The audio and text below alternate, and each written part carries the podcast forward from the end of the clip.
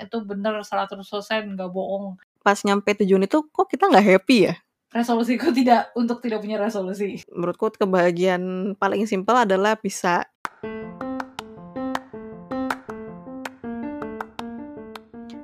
Connect with friends you di Conference, sebuah podcast bersama Anggi dan Reina. Yeay! Ngobrol apa kita hari ini, Nggi?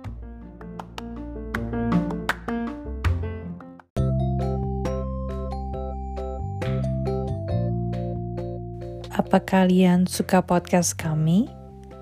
Kalian bisa bantu support kami dengan subscribe conference dan kontak di platform podcast favorit kalian. Bisa juga follow Instagram kami di @con.podcast. Semoga kalian suka episode ini ya. Selamat mendengarkan. Halo halo, jumpa lagi dengan aku Reina dan Anggi di conference episode 28. Bener kan ya? 28 ya? betul. Benar, episode 28. Oke. Eh, sekarang kita udah bulan Februari 2021 ya, masih awal-awal lah ya, masih awal-awal tahun. Jadi kebetulan kita belum pernah eh, mendiskusikan yang biasanya orang-orang diskusin kalau di awal tahun baru ya, yaitu resolusi ya. Cuman sebenarnya Mm-mm. episode waktu itu kita pernah episode eh, 4 eh, udah pernah diskusi resolusi tahun 2020. Nah, di episode ini ya kita sedikit ya biar ngikutin agak ngikutin tren tapi kita nggak mau bener-bener ngomongin resolusi yang nanti mungkin teman-teman bisa dengar di pembicaraan kita kenapa kita bu- kenapa judulnya bukan resolusi tahun 2021 gitu sih Hmm, gimana gimana Gi?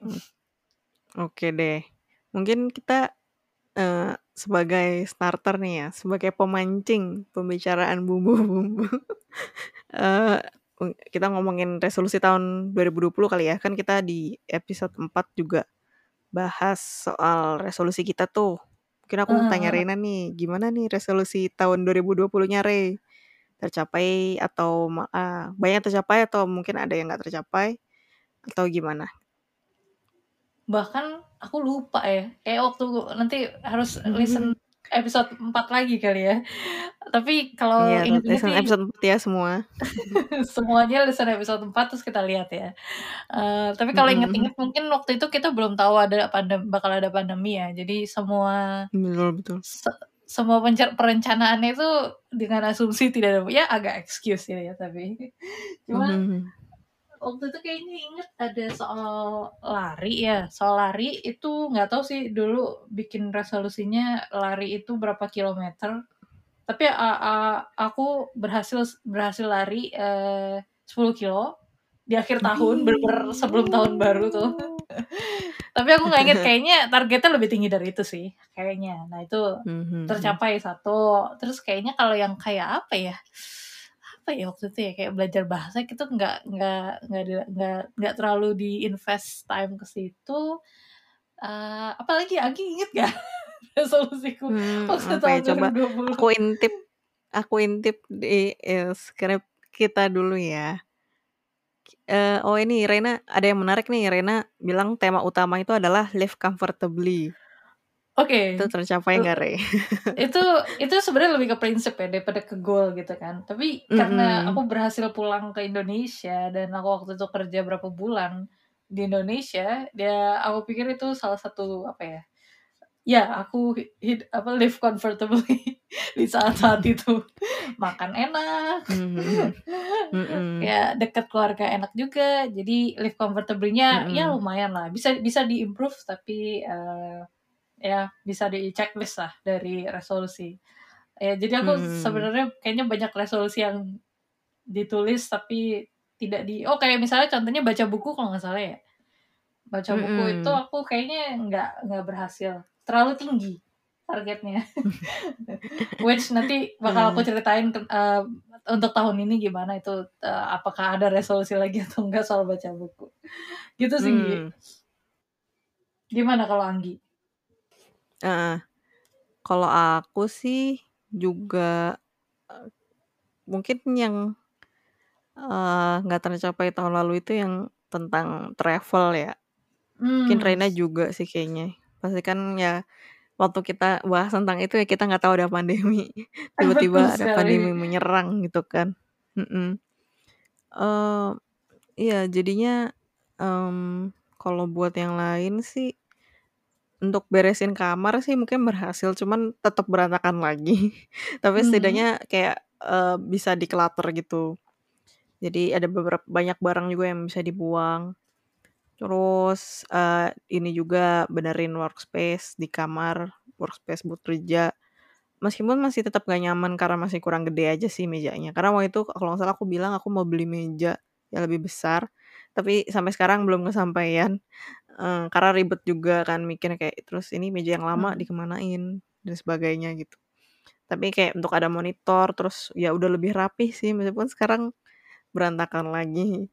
Eee, terus apa ya, kayak baca buku untuk yang kayak Goodreads challenge-nya sih tercapai sih. Cuman kayak, ya udah se se kayak gimana sih, udah udah tercapai nih, terus udah nggak dilanjutin lagi gitu, kayak Mmm. malas-malasan lagi. Eee, olahraga, rajin pingpong, ya gimana main pingpong aja di kantor, tapi nggak ke kantor sama sekali udah setahun kan.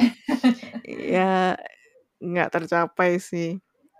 Untuk kayak beresin kamar tiap minggu, nggak juga sih, gitu kayak gimana ya, karena pandemi tuh jadi apa sih, apa ya, kalau aku ngerasanya kayak, ya udahlah kayak kayak udah berat gitu dengan ada keadaan pandemi ini, ya udahlah kayak, nggak usah terlalu apa sih, ketat sama diri sendiri gitu ya, kalau mau istirahat ya istirahat gitu, jangan terlalu dipikirin gitu sih. Jadi ya ya udahlah, ya beberapa ada yang tercapai, tapi ya banyak juga yang nggak tercapai sih. Karena ya itu kayak, ya udahlah ya bisa bertahan aja udah bersyukur gitu. Gitu Iya, sih tahun dua kalau ribu aku. dua puluh sih ya. Emang tahun yang Mhm, aduh 2020. Unexpected Aneh. sekali. Tapi, eee, aku mau nge-share nge-share 2 hal yang kita berhasil Ki, berdua. Mhm, Yang apa pertama tuh? adalah 2 minggu sekali kita publish podcast itu itu kita berhasil loh dari di tahun dua ribu dua Oh. puluh. Jadi congrats untuk kita Mhm. untuk kon Congrats. conference ya. Terus satu Mhm. lagi masih agak terkait yaitu connect more dan agak a part of, eee, conference ini kita berhasil kayak reconnect with people gitu kan, eee, sampai kita bikin betul betul. off kontak gitu kan juga, eee, ada ada Betul beberapa betul. yang guest, terus kita kayak harus, eee, approach mereka kayak gitu-gitu, itu Mhm salah satu mhm. accomplishment juga. Jadi mari kita iya. apa ya, eee, be kind to Appreciate. ourselves, appreciate to ourselves, kita berhasil melakukan sesuatu Mmm. di tahun 2020 yang, banyak orang merasa itu tahun yang susah ya. Jadi, eee, untuk teman-teman juga iya iya. kalian sudah berhasil melaluinya, jadi congrats juga. Iya, congrats kalian hebat. Kalian hebat, kita semua hebat. Oke, Yoi. terus gini, di kan, eee, udah 2021, terus udah dari tahun 2020, sekarang jadi udah masih relevan nggak sih menurut Anggi resolusi tahun baru untuk ya untuk tahun ini atau untuk tahun-tahun berikutnya? Apakah tren resolusi apa sih, biasanya kan new year, new new me gitu Mmm. kan. Kalau so Mmm. apa, istilah kerennya itu sebenarnya gimana kalau menurut Anggi? Kayak apakah itu, eee, penting atau itu hanya sebuah tren belaka, bagaimana? Mmm. Kalau menurutku, eee, resolusi tahun baru tuh pen eee, penting penting, eee, relevan relevan, tapi mungkin kalau misalnya untuk apa ya, kadang orang nganggepnya kayak, eee, resolusi itu adalah segalanya gitu loh. Dan aku juga Mhm. sebetulnya, mmm, mungkin mikir, mungkin kenapa ya orang tuh bikin resolusi setiap tahun baru gitu. Mungkin ya karena apa ya, kayak ada sense kalau, oh ini adalah tahun yang baru, ya itu yang kita tadi Rena bilang new year, new me gitu kan. Tapi Mhm. sebetulnya kan untuk kita membuat perubahan tuh sebenarnya nggak perlu nunggu tahun baru kan. Betul. jadi iya, untuk resolusinya resolusinya aja tuh penting, relevan, tapi kalau untuk resolusi tahun baru ya ya nggak apa-apa juga, cuman maksudnya, eee, apa ya, nggak harus selalu dijadikan patokan kayak setiap tahun tuh harus ada sesuatu yang baru. Ya oke, boleh aja sih, cuman, eee, kembali lagi kadang ada juga orang yang ngerasa kayak, "Kok orang-orang pada punya resolusi sih, kok gua nggak ada?" Gitu kan.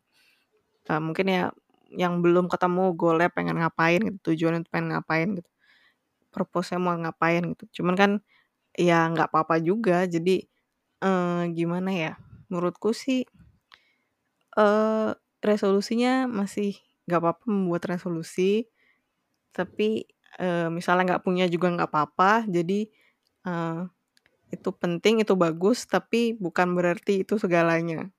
Mungkin itu sih yang Mmm. tepat ininya, ekspresinya. Kalau Reina gimana? Ya, aku setuju sih soal apa ya, jangan jangan membuat resolusi, eee, untuk define ourselves. Kayak tadi Anggi juga bilang kayak orang bikin resolusi karena orang-orang lain juga ada resolusi kan kayak ada fear of missing out gitu ya istilahnya. Cuman ya Mhm. kalau tujuan bikin resolusi karena nggak mau karena ingin sama sama orang-orang lain, eee, itu bisa di-revisit lagi sih. Karena kan resolusi untuk diri sendiri kan sebenarnya, bukan untuk orang lain, Mhm. gitu kan. Betul betul. Mmm, Mhm. terus ya jadi ini agak agak apa ya, inseps eh, bukan inse rekursif, bukan rekursif. Jadi kalau buat tahun ini mungkin aku resolusinya adalah untuk tidak punya resolusi. Apa itu masuk akal? Gimana tuh, Re? Coba please elaborate.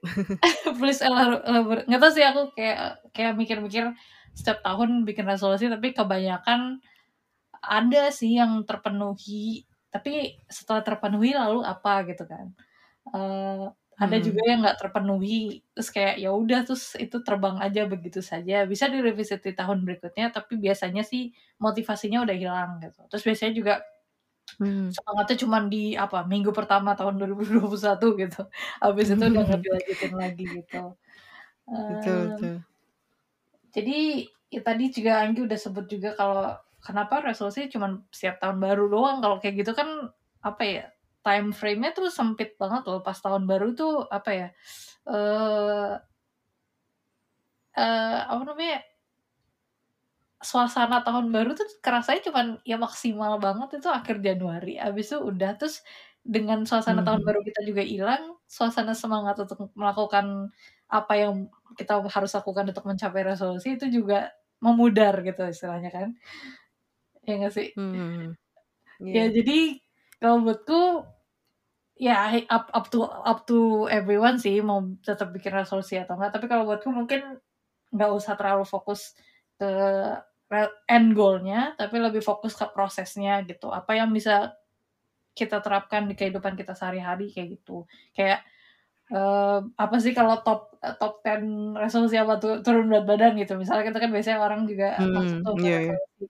Eee, mungkin bisa Mhm. di-revise lagi kayak turun berat badan lebih baik di-rephrase kayak misalnya, eee, hidup lebih sehat gitu tiap hari. Jadi jangan kayak fokus ke Mmm. akhirnya gitu, kalau menurutku sih. Tapi ada Betul juga kan betul kayak betul. dari perspektif kalau nggak ada tujuan, kita nggak tahu kita mau ngapain gitu. Tapi sekarang aku sih Mhm, agak betul betul betul.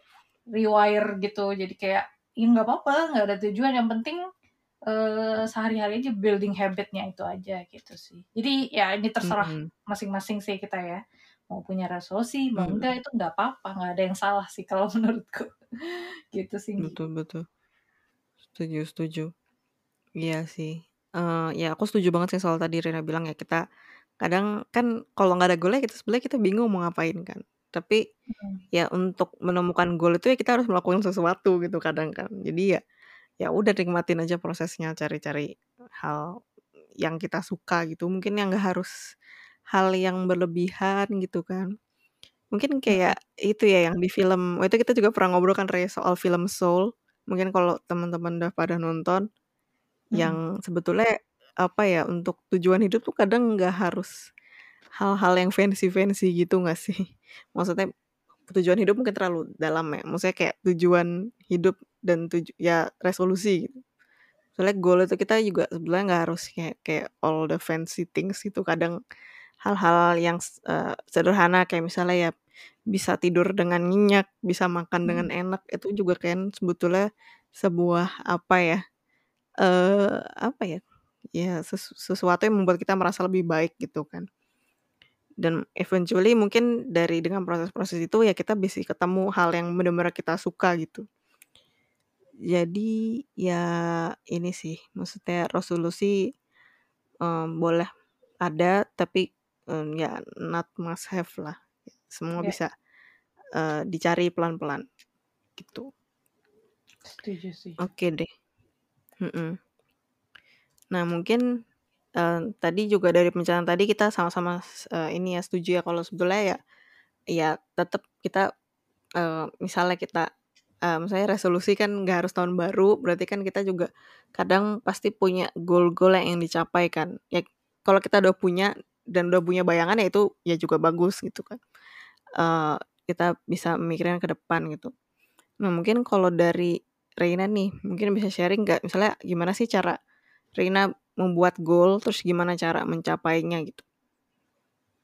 Iya, kalau soal goal sih maksudnya kayaknya dis di luar, eee, kehidupan personal kita sebenarnya kan kayak kalau misalnya di kantor, di kerjaan lah, di kerjaan itu kan ada yang namanya performance review dan biasanya kita set expectation gitu kan, kita pengen pengen Mmm.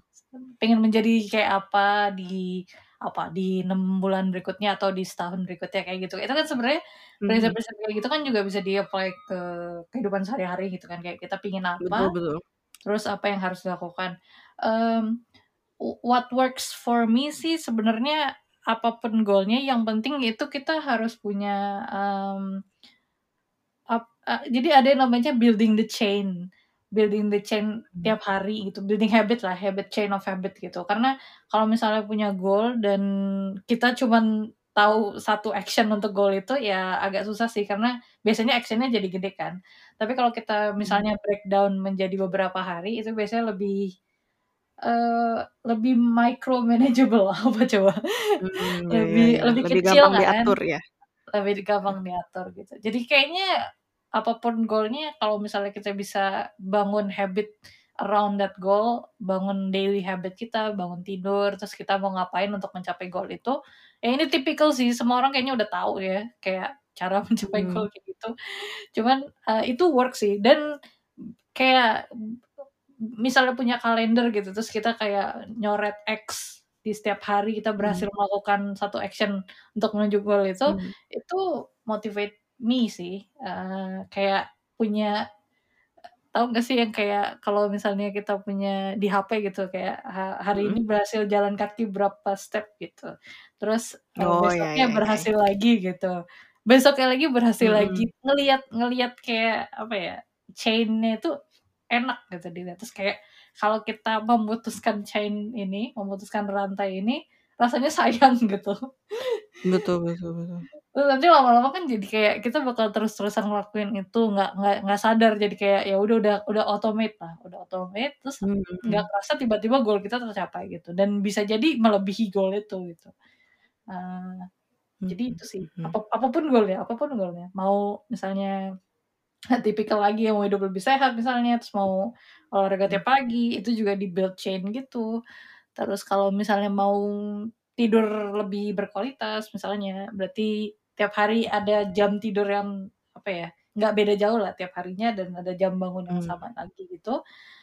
Itu yang work sih so far buatku gitu. Walaupun ba banyak juga Mhm. yang aku tiba-tiba udah baru 5 hari gitu melakukan sesuatu, eh terus berhenti, terus nggak dilanjutin. Nah kalau yang kayak gitu biasanya yang dilakukan adalah kita reset lagi aja gitu, reset lagi dari nol, nggak Mmm. papa cobain aja terus sampai lama-lama bisa jadi habit gitu. Dan mudah-mudahan habit-nya, habit yang bagus, terus goal yang kita inginkan jadi tercapai juga dengan adanya habit tersebut. Amin. Oke, kok kok Mhm. kayaknya aku ngomong kayak, eee, sok-sok motivator, itu itu yang works for me ya. Jadi nggak tahu ya kalau untuk yang lain, mungkin Anggi bisa share juga tips and triknya. Mhm. Mungkin aku pertama mau, eee, ini kali ya, kayak menanggapi tadi yang Reina bilang soal kayak building the habit. Aku jadi dulu pernah baca buku, tapi sebenarnya sampai sekarang belum selesai baca bukunya, baru bab Mhm. 1. Jadi tahu My Happiness Project nggak? Pernah denger nggak bukunya? Tahu, itu terkenal sekali bukunya, tapi aku juga Iya, tidak itu pernah terkenal selesai banget kan? bacanya. Iya. Eee, iya aku punya bukunya, terus kayak baru, eee, baca baru selesai baca bab sat chapter 1, 2 kalau nggak salah ya. Jadi, Mmm. eee, inti bukunya adalah dia itu, eee, bikin list hal-hal yang menurut dia, mmm, kayak semacam habit yang pengen dia bangun gitu. Mhm. Dan itu ditambah setiap sebulan. Jadi misalnya bulan ini gua mau misalnya olahraga gitu. Ya itu Mhm. dilakuin sebulan itu. Misal udah oke, baru bulan depan ditambahin lagi habit yang baru gitu. Jadi emang sebetulnya untuk, apa ya, men menciptakan habit yang baru itu emang kadang susah sih. Di Mhm. awal pasti susah banget, tapi ya kayak yang Rena tadi, kayak kalau udah chain-nya udah terbentuk, misal nanti diputus tiba-tiba pasti kan sayang kan, kayak ya namanya udah habit masa, eee, pasti udah nggak bisa dilepasin lagi dari kebiasaan sehari-hari gitu kan. Kayak misalnya dulu, eee, aku selalu nggak pede keluar dari rumah nggak pakai skincare misalnya. Ya itu karena terbiasa, karena setiap setiap hari pasti pakai gitu kan. Ya sekarang tapi chain-nya udah keputus karena ya jarang keluar rumah, terus, eee, ya ke rumah keluar rumah juga pakai masker kan gitu. Ya itu sih, eee, ya itu salah satu contoh jeleknya, contoh gagalnya. Tapi ya itu, intinya adalah ya menambah kalau menambah habit itu ya pelan-pelan aja gitu, nggak harus, eee, mmm, apa ya, kayak langsung banyak gitu. Menurutku itu sih yang kadang bikin resolusi tahun baru itu gagal adalah ya semangat di awal doang gitu. Padahal kayak kayak jomplang gitu loh, misalnya kayak Desember nggak olahraga sama sekali, terus Januari kayak setiap hari olahraga gitu. Ya Februarinya ya capek gitu, udah burn out, udah nggak mau lagi pasti kan. Jadi ya emang harus ditambah pelan-pelan, kayak misalnya juga, eee, ini juga mungkin nyam nyambung dari caraku bikin goal juga ya. Ya sebenarnya sama sih kayak, eee, building the habit. Eee, kayak misalnya sekarang, eee, kayak aku sama Rena setiap minggu tuh olahraga bareng teman-teman gitu kan. Ya cuman via online gitu kan. Kita Google Meet terus share share screen gitu, olahraga bareng gitu kan. Ya itu kan olahraga udah tercapai nih olahraga setiap minggu gitu kan. Nah aku pengen nambahin nih sekali lagi gitu. Jadi ya sekarang targetku adalah olahraga 2 kali seminggu gitu. Meskipun ya masih susah juga sih kan, apalagi ada hari kerja juga kan. Jadi ya tapi ya aku mau pelan-pelan, tadinya ya aku pengennya ya bisa kalau bisa setiap hari gitu. Tapi aku mau bikin supaya ya 2 kali dulu deh seminggu gitu. Kuat nggak gitu kan. Eee, ya kayak gitu sih. Terus apalagi, oh aku juga pernah dengar soal kebetulan aku entah kenapa di waktu berdekatan dengar deng dengerin orang ngomong soal konsep SMART goals. Rena juga pasti udah tahu juga kan ya? Mhm. Iya, SMART goals itu jadi kayak, eee, semacam akronim gitu. Jadi S itu spesifik, eee, simple, sensible, significant. Jadi, eee, goal kita tuh ya harus spesifik, kita harus mau ngapain tuh. Eee, misalnya, eee, mau olahraga gitu, tapi ya olahraganya apa gitu kan. Atau mau hidup sehat, ya harus gimana hidup sehatnya. Misalnya apakah makannya, eee, 3 kali sehari tapi, eee, menunya gini gini ya kayak gitu. Terus M-nya itu adalah measurable, itu, eee, bisa diukur. Jadi ya kalau misalnya kita di ini ya, di-tag ya, kadang kan kita juga, eee, misalnya, eee, kita gimana cara tahu, eee, sistem ini bekerja dengan baik gitu, apakah atau lebih baik dari sebelumnya gitu. Ya kita harus bisa ngukur gitu, harus ada matriksnya, kayak berapa persen dari sebelumnya gitu. Atau mis mungkin kalau misalnya di, eee, case kehidupan sehari-hari apa ya, measurable, misalnya, eee, turun berat badan deh yang dari tadi kita udah sebut ya, misalnya mau turun turun berat badan 10 kilogram misalnya. Itu kan bisa diukur kan dari kita bikin goal pertama kali, eee, ya itu udah ini belum, udah kurang sesuai dengan si, eee, goal tadi.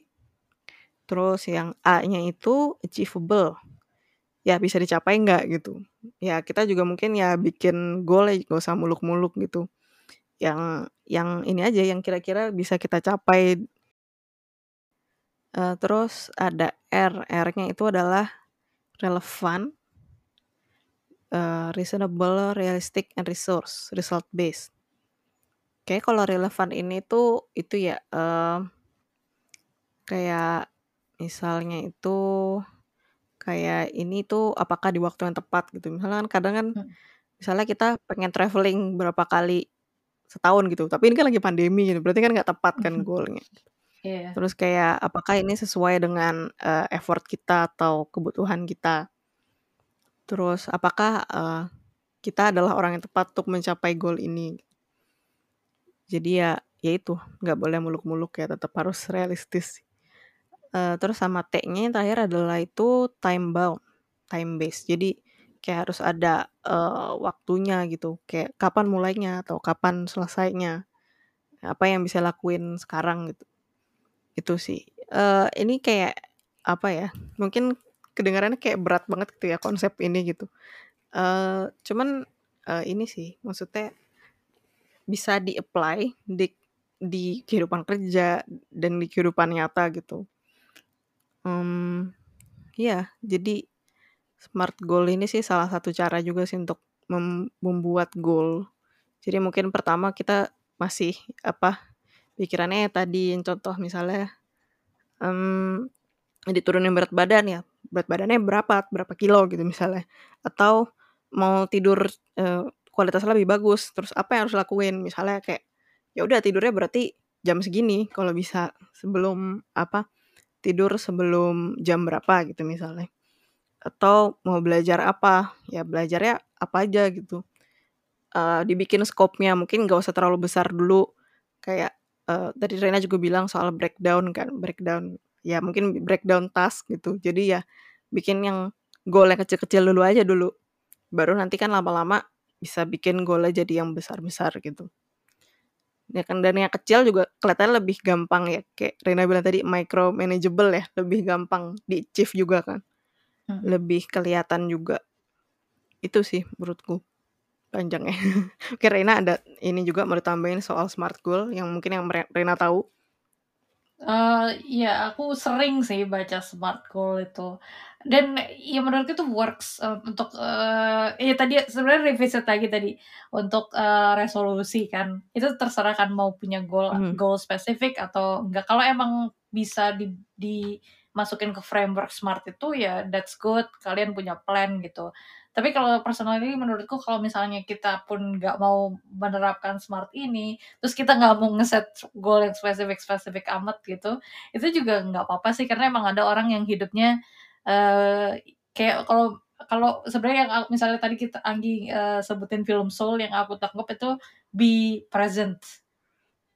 Mmm, betul fokus ke betul betul. hari ini gitu, fokus ke hari ini dan terapin aja prinsip yang sesuai dengan "resolusi" tanda kutip ya, resolusi gitu. Itu juga works sih Mhm. sebenarnya kadang-kadang kayak nggak semua hal bisa dijadiin spesifik gitu misalnya. Tapi kalau kita Mhm. nerapin SMART ini, eee, dan kita, apa ya, tekun ngelakuinnya, itu emang udah proven works juga sih untuk, eee, beberapa orang gitu. Jadi, eee, there is no right betul. way sih ya buat, Eee, mencapai suat sesuatu goal gitu. Itu, ya ini kita share pengalaman aja juga kan ya, Anggi sama aku. Mhm. Gitu Betul betul. Eee, aku juga mungkin ya tadi yang Reina bilang soal be present, aku jadi inget, aku jadi lagi sekarang lagi baca buku, judulnya itu The Happiness Trap.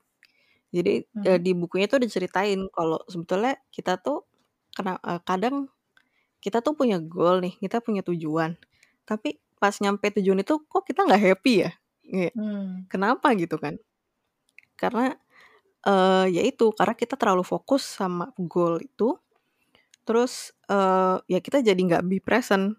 Padahal dengan be present itu kita, eee, apa ya, lebih hemat energi gitu loh, nggak capek mikirin masa depan gimana sih gitu. Mhm. Jadi eee, iya, ya di buku itu sih dibilang kayak, ya banyak case-case misalnya orang kayak dia bener-bener kerja gila-gilaan, ya ujung-ujungnya pas udah nyampe tujuan dia, ya dia sakit gitu kan. Dia nggak happy gitu kan, jadinya udah burn out duluan gitu. Padahal kan kita punya goal, tujuan kita ya mau happy gitu, tapi kok udah nyampe malah nggak happy gitu kan. Makanya sebetulnya ya punya goal itu oke, punya goal itu bagus, maksudnya untuk improve ya improve diri kita masing-masing kan. Kita berusaha untuk jadi orang yang lebih selalu menjad eee, berusaha menjadi orang yang lebih baik gitu. Tapi ya kita juga jangan lupa untuk si be present tadi, kayak kita nikmatin lah hal-hal kecil, dimulai dari memandang langit yang biru gitu misalnya, Iya. atau apa iya kan yang kayak di di film Soul itu juga ini ya Heeh kan, kayak heeh, dia iya. kayak memandang langit biru, terus kayak ngelihat orang-orang di jalan gitu kan. Ya nikmatin aja sih, maksudnya ya ada waktunya emang kita untuk mikirin yang akan di depan, tapi tetap kita kayak harus, apa ya, reserve energi gitu dengan be present, gitu. Dan semoga ya dengan itu dan kita hemat energi, eee, dan be present dan kita melakukan hal-hal yang relaxing buat kita ya nanti kalau kita udah sampai goal-nya ya kita beneran happy gitu, nggak burn out gitu sih. Betul betul. Eee, balance lah ya antara kita mau ngejar suatu Mhm. goal, tapi juga jangan lupa sama present, present is a gift ya kalau di film Kung Fu Panda Betul betul. Jadi itu harus bener-bener dihargai gitu loh. Tapi itu itu itu Betul betul. simple banget sih film-film kayak Kung Fu Panda terus ada Soul yang film-film baru bagus animasi. itu, itu apa ya, pesannya dapet banget dan itu kalau dipikir-pikir kita nontonnya sekarang udah gede, udah dewasa gitu, udah ya nggak dewasa sih, secara Mmm. umur maksudnya udah udah bukan anak-anak gitu. Itu malah pesannya tuh Mhm. dapet banget gitu kan, ah, gitu kan. Betul betul. Kayak Iya. ngena banget gitu. Oh iya kalau teman-teman belum ada yang belum nonton Soul, rekomendasi sih itu, eee, sangat op eye opener ya. Iya, aku subscribe Disney Hotstar cuman buat nonton itu. Kita nggak di-endorse ya. Nggak di-endorse ini, nggak di-endorse. Oke. Nah, eee, terakhir nih Gi, mau nanya Gi, kan 2020 itu kan kayak tahun yang apa ya, tahun aneh, tahun unexpected, tahun yang sama sekali tidak mendukung plan plan di awal tahun Hmm. gitu kan. Tapi terus sekarang udah 2021, ya keada keadaannya sedikit membaik, eee, mudah-mudahan akan terus membaik. Eee, buat. Anggi, apakah Anggi tanda kutip res punya punya tanda kutip "resolusi" untuk tahun ini? Kalau ada, eee, boleh di-share mungkin Gi, yang bisa di-share tentunya. Oke, kalau aku sih, mmm, ada, tapi mungkin aku nggak mau menyebut itu resolusi tahun ini. Tapi lebih kayak, eee, ya goals dan maksudnya apa ya, eee, itu mau dicapai kapan aja boleh gitu. Mungkin nggak harus tahun ini, nggak apa-apa, cuman ya ya emang kadang emang lebih enak bikin standar tuh mulai dari awal tahun kan. Eee apa ya, aku mungkin tadi juga beberapa disebut sih, kayak misalnya aku mau olahraga 2 kali seminggu, pengen ditambah kayak setiap kalau udah terbiasa 2 kali seminggu, tambah lagi berapa kali seminggu, mungkin ya kayak maksimal 3 kali seminggu lah, itu udah paling maksimal banget. Eee, yang ya terus pengen aku pengen tidur lebih, eee, nyenyak, lebih cepet. Kayak misalnya ini selalu terjadi ya di malam Senin itu pasti Rena bilang kayak, "Anggi kok belum tidur?" Gitu, jam 2 pagi gitu misalnya. Eee, ya itu karena apa ya, kayak misalnya aku nggak siap menghadapi Senin gitu kan. Padahal aku udah eee, padahal aku sebenarnya pengen tidur gitu kan. Eee, ya itu aku salah satu goal-nya itu adalah pengen tidur kayak cepet gitu, cuman masih susah kan. Nah itu yang mungkin juga salah satu goal-nya adalah mencari tahu kayak, sebenarnya inti fokusnya adalah untuk mencari cara aku bisa live comfortably kayak yang Rena, kayak resolusi. Rena tahun lalu. Eee, ya itu, dengan cara ya kan dengan olahraga, hasilnya aku jadi lebih sehat. Dengan aku tidur, eee, yang cepet dan nyenyak juga aku juga, eee, mungkin, eee, lebih semangat, lebih bisa mikir dengan jernih gitu, misalnya pas kerja. Eee, lebih sehat juga. Terus, eee, mungkin dari segi, eee, teknikal ya pengen, eee, belajar lebih dalam lagi soal software engineering. Mmm, itu juga sebetulnya aku nggak nentuin apa sih, kayak kadang juga di hal pekerjaan juga nggak semua ngerti kan. Jadi ya dimulai dari itu aja, mengerti dulu apa yang selama ini kita kerjain, kadang kita ya udah kayak, ya udah pakai aja gitu, tapi kita mungkin nggak tahu, itu tuh apa sebetulnya. Ya yang dari yang deket aja sih. Eee, terus, eee mungkin salah satu hal yang besarnya itu adalah, eee, aku lagi mulai bullet journaling. Jadi kalau mungkin pendengar ada yang belum tahu soal bullet journaling, bullet journaling, bullet bullet peluru. Jadi, eee, ini aku nggak tahu sih, tiba-tiba lagi browsing-browsing YouTube terus nemu ada YouTuber sharing soal bullet journaling. Eee, jadi konsepnya adalah sebetulnya kayak bikin to do list gitu, cuman, eee, bikin sesimpel mungkin, nggak usah panjang-panjang, setiap hari. Terus misalnya tercapai kita kita kayak kita jadi kayak lingkaran kita bulet dibuletin, dipenuhin, berarti itu tercapai. Kalau in progress isi setengah doang buletannya, Terus kalau misalnya nggak tercapai, nggak dilakuin, dicoret, ya gitulah. Kayak sebenarnya itu tujuannya bullet journaling adalah membangun habit sih. Jadi kayak, eee, dan sebetulnya bullet journaling ini intinya sih yang kayak list to do list tadi, cuman kita bisa, eee, apa namanya, kita bisa modifikasi sesuai dengan kebutuhan kita sendiri gitu. Misalnya kalau di YouTuber yang aku, eee, tonton itu dia tuh dia tuh pertama gambarnya bagus banget, artnya bagus, jadi dia kayak selalu punya ide, misalnya bulan ini gue mau tambah ini ini ini gitu kan. Eee, sebenarnya yang penting kan emang to do list-nya kan, dia nyebutnya weekly spread. Jadi kayak setiap minggu dia bikin, eee, kayak buat do list minggu ini tuh ada kayak udah ada template-nya, entar dia, eee, tinggal ngisi gitu. Terus dia juga kayak misalnya nyatet, eee, habit apa yang dia mau capai minggu ini gitu, atau bulan ini gitu, dan itu kayak di-track gitu habit-nya apa aja misalnya. Hmm. Nah itu yang sebetulnya pengen ku coba sih tahun ini, karena sebenarnya aku udah rencana itu dari bulan November tahun lalu, jadi aku kayak, "Oh buat tahun depan mungkin coba kali ya bullet journaling," gitu. Ya maksudnya meskipun ya seharusnya aku nggak harus nunggu tahun depan, nggak harus tunggu tahun ini 2021, cuman kayak aku mau nyoba dulu. Jadi bulan Desember tuh aku sempat kayak minggu pertama aku ini aja pakai sticky notes gitu bikin, dan emang jatuhnya lebih produktif sih. Eee, mungkin bukan produktif, lebih tepatnya adalah aku ngerasa lebih tenang. Karena Mmm. menurutku adalah hal penting dari goal adalah untuk orang-orang, s orang-orang yang mudah panik seperti aku, dengan adanya goal itu aku jadi, eee, apa ya, lebih jelas gitu. Jadi aku lebih ngert eee, tahu kalau aku harus ini ini ini ini gitu. Jadi, eee, ya udah aku tinggal kerjain pelan-pelan aja satu-satu gitu. Nah, bullet journaling itu adalah salah satu untuk, mengurangi rasa panikku itu, karena kadang bisa parah banget sih paniknya. Mau itu, eee, yang mendorong aku untuk bullet journaling pertama adalah aku tiba-tiba kena serangan panik gitu pas lagi ngoding. Aku ngelihat, eee, iniku apa, unit test, lagi ngerjain unit test terus kayak, "Ah, apaan nih apaan, anjir anjir gue gue kayak nggak bakal bisa ngerjain, nggak bakal bisa nyelesain ini semua," gitu. Tiba-tiba panik gitu kan. Dan apalagi keinget kayak tugas masih banyak gitu kan. Terus ya udah, akhirnya pas ketemu soal si bullet journaling itu, terus kayak, oh mungkin ini salah satu cara, eee, supaya, eee, misalnya gue bisa lebih tenang kali ya, tuh dengan cara ya gue catat apa aja yang pengen gue lakuin gitu. Dan, eee, bulan Januari sih sebetulnya nggak kecapai sih, eee, tapi setidaknya bulan Februari ini udah mulai lagi dan, eee, ya alhamdulillah, eee, ini sih ma masih okelah, masih lancar lah.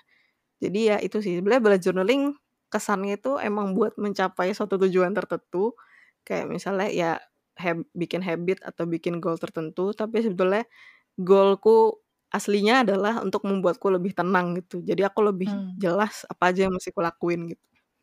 Itu kayak goal terselubung dari bu bullet journaling gitu. Jadi kayak apa ya, dia nyebut apa sih istilahnya yang kill apa birds apa, two birds with one stone ya, apa sih kalau nggak Iya salah ya. iya iya, Jadi aku bisa stone. produktif juga, bisa tenang juga gitu. Mmm. Itu sih mungkin resolusiku tanda tanda dalam tanda Tanda kutip, kutip? Iya dalam tanda kutip. Ya ingin menjadi ing ingin bisa lebih tenang sih. Gitu. Kalau Reina gimana? Sebelumnya mau, eee, excited sekali Anggi udah share tentang bullet journaling. Aku termasuk ya Mmm. enggak spesifik bullet journaling, aku termasuk orang yang maniak journaling. Iya iya Jadi, Reina eee, Reina senang udah ini seneng sering banget banget ya? Iya itu kayak udah udah habit sih kalau aku itu udah Ya itu habit. udah habit-nya Reina. Jadi udah udah nggak bisa dijadiin resolusi lagi sayangnya.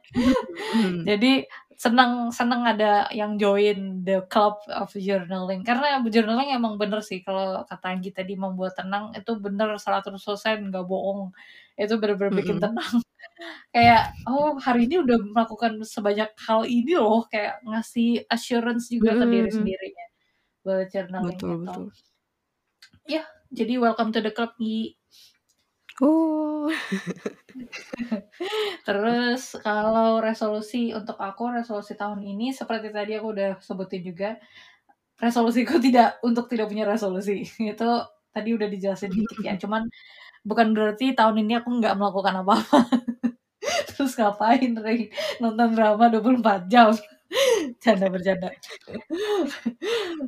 Bercanda bercanda. Eee, jadi, eee untuk tahun ini aku lebih apply prinsip tinggi, bukan nge-set goal spesifik.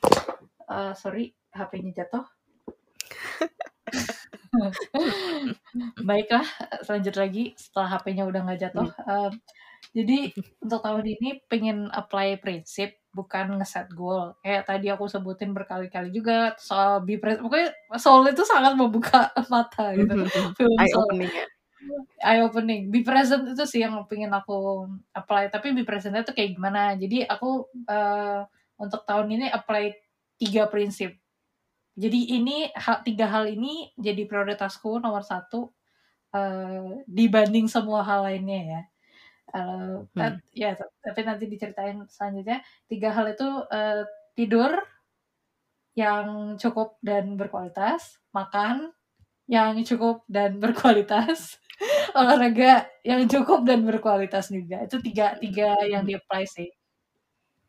Untuk tahun ini. Sebenarnya Anggi juga tadi banyak yang disebut itu uh, kita sangat uh, relate ya. Uh, Hmm. ingin melakukan uh, apa hal-hal di tiga itu. Iya. Jadi benar-benar tiga itu. Kalau misalnya kerjaan menghalangi itu uh, kerjanya bakal aku pause dulu. Terus kalau misalnya ada Hmm. hal-hal lain lah yang bisa di pause dan uh, bisa lebih contribute ke tiga hal ini, itu bakal diprioritasin gitu. Karena ternyata uh, kalau dipikir-pikir tiga hal ini kayak dasar banget gitu uh, untuk Mhm. uh, kita Kebutuhan gitu. Dan manusia. kebutuhan manusia betul sekali. Dan kalau kita tiga ini udah berhasil gitu, nanti yang lainnya jadi lebih enak. Dan kebetulan aku coba beberapa uh, udah berapa nih sebulan terakhir jadi lebih enak sih emang. Uh, kerja juga nggak Hmm. terlalu beban karena oh udah tidur, oh hari ini udah cukup nih emang udah jamnya tidur kok ya udah tidur aja gitu. Terus Hmm. uh, oh iya makan makannya yang enak-enak yang bikin seneng lah makan yang bikin seneng tapi juga uh, main sehatnya juga ya jadi kayak jadi kan makan tuh biasanya kita ada yang makanan yang bikin kita seneng pas makannya tapi tuh setelah makan biasanya kita uh, drop Guilty gitu pleasure ya. Guilty pleasure betul dan biasanya abis makan itu kayak kita capek malah capek gitu kan kayak aduh Hmm. kok malah capek gitu padahal makan tuh buat apa nyari energi Hmm. tapi malah membuang Buat energi bikin nah jadi happy. Heeh.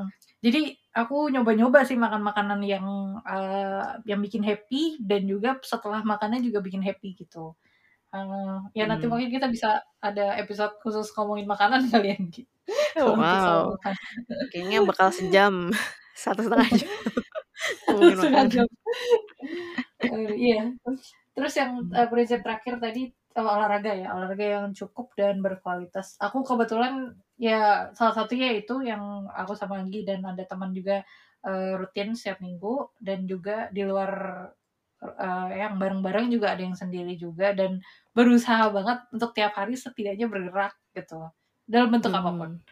Jadi uh, itu sih dan dan kerasa ternyata setiap kita aktif uh, di suatu hari di setiap hari gitu terus versus hari di mana aku nggak aktif itu kerasa banget mood change-nya beda banget gitu. Kalau Hmm. pagi-paginya langsung aktif, biasanya sehariannya bakal cepet capek, tapi capeknya capek puas gitu kan. Uh, sebaliknya kalau Hmm. misalnya paginya nggak aktif atau pokoknya hari itu nggak terlalu aktif bergerak, uh, itu ngaruh ke semuanya. Kerjaan jadi bad mood lah, malas ngerjain Oke. apa pun lah, makan juga males Hmm. lah kayak gitu. Jadi Mhm. eh kalau kalau buatku pribadi uh, penentunya tuh pagi sih. Bangun tidur ngapain yang bikin uh, mood bagus gitu. Betul betul. Kalau setelah itu Hmm. ya berentetan lah kayak gitu. Itu sih aku pengen share Hmm. itu aja sih ke teman-teman juga kayak ayo kita coba love ourselves a little bit more gitu this year kayak lakuin hal-hal yang emang good buat kita gitu. Bukan bukan Hmm. demi orang lain tapi demi buat kita sendiri kayak gitu. Jadi Mhm. mari 2021 mudah-mudahan lebih baik, mudah-mudahan bisa bisa cepet lah tuh vaksin didistribusiin. Jadi kita Amin. um, semua bisa lebih tenang, bisa social life-nya juga bisa kembali uh, ya pokoknya hal-hal yang baik lah untuk tahun ini. Jangan lupa be happy Amin. semuanya. Betul, Itu sih. amin. Setuju setuju. Ya sebetulnya mungkin, eee, mungkin, eee, nggak tahu dari pendengar, eee eee, dari tadi uh, apakah nangkep maksudnya kita pesan kita episode ini adalah sebetulnya yaitu kita kayak uh, orang di mana sering bilang ada orang resolusi punya goal gitu kayak sebetulnya yang nggak usah merasa sedih kalau misalnya nggak kalian belum menemukan resolusi atau goal kalian gitu. Atau mungkin yang resolusi sebelumnya itu nggak tercapai gitu. Sebetulnya yang penting adalah kita gimana caranya kita fokus untuk uh, membuat uh, diri kita menjadi lebih baik atau ya ya udah pokoknya membuat kita merasa lebih baik gitu. Kan dengan kita membuat kita merasa lebih baik ya itu salah satu bentuk self love juga kan. Dan itu kayak itu dasar sih dari semua semuanya dengan kita udah merasa nyaman dengan diri sendiri merasa apa ya enak dengan diri sendiri ya kita uh, mudah-mudahan bisa hal-hal baik lainnya tuh tinggal mengikuti aja gitu. Dan kadang juga nggak harus apa ya melakukan hal-hal yang fancy-fancy kok. Kadang emang apa ya kadang happiness can come in small thing. Mungkin kadang kita juga take it for granted gitu kan. Kayak mungkin misalnya kebahagiaan uh, menurutku kebahagiaan paling simpel adalah bisa yaitu kayak bisa makan bisa tidur bisa buang air. Maaf agak agak jorok tapi itu maksudnya itu kan kayak kebutuhan manusia kan. kayak dengan kita bisa melakukan itu itu sebetulnya bersyukur sih. Ada orang yang nggak punya privilege itu gitu. Tapi kalau kita punya itu ya ya patut bersyukur gitu uh, ya nggak muluk-muluk bilang harus semua harus merasa positif sih. Uh, pokoknya gimana caranya ya kalian yang cari tahu lah kayak kalian yang uh, cari tahu kayak kapan uh, kalian uh, gimana cara kalian menghadapi diri kalian sendiri bagaimana cara kalian uh, merasa lebih baik itu kalian sendiri yang tahu. Itu ya good luck di perjalanannya karena mungkin aku juga masih mencari tahu Reina juga masih mencari tahu tapi yang penting uh, ya pelan-pelan aja tahu usah terburu-buru gitu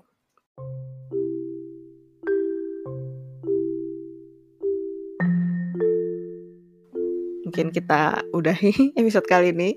Maaf ya mungkin kedengarannya kita menceramahi mendengar, tapi mungkin kita ya sharing aja sih uh, untuk uh, tahun ini. Semoga kita bisa uh, survive di tahun ini. Semoga tahun ini juga Amin.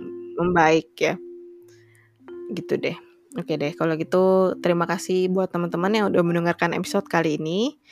Bagi yang ada pertanyaan atau saran, bisa kirim ke email kita di conferencepod@gmail.com atau bisa lihat detail lainnya di deskripsi episode ini. Kita juga punya Instagram, bisa di follow di @con.podcast. Uh, di situ uh, kita suka kasih informasi kapan uh, episode baru conference uh, rilis dan juga kontak dengerin juga buat teman-teman yang tertarik dengan uh, topik terkait teknologi bisa dengerin podcast kita satu lagi yaitu kontak. Uh, terus kita juga sekarang udah punya website loh landing page uh, buat kon podcast. Itu konpodcast.github.io uh, itu aja sih. Jadi stay tune ya for the next episode. Sampai jumpa di conference selanjutnya. Bye bye bye bye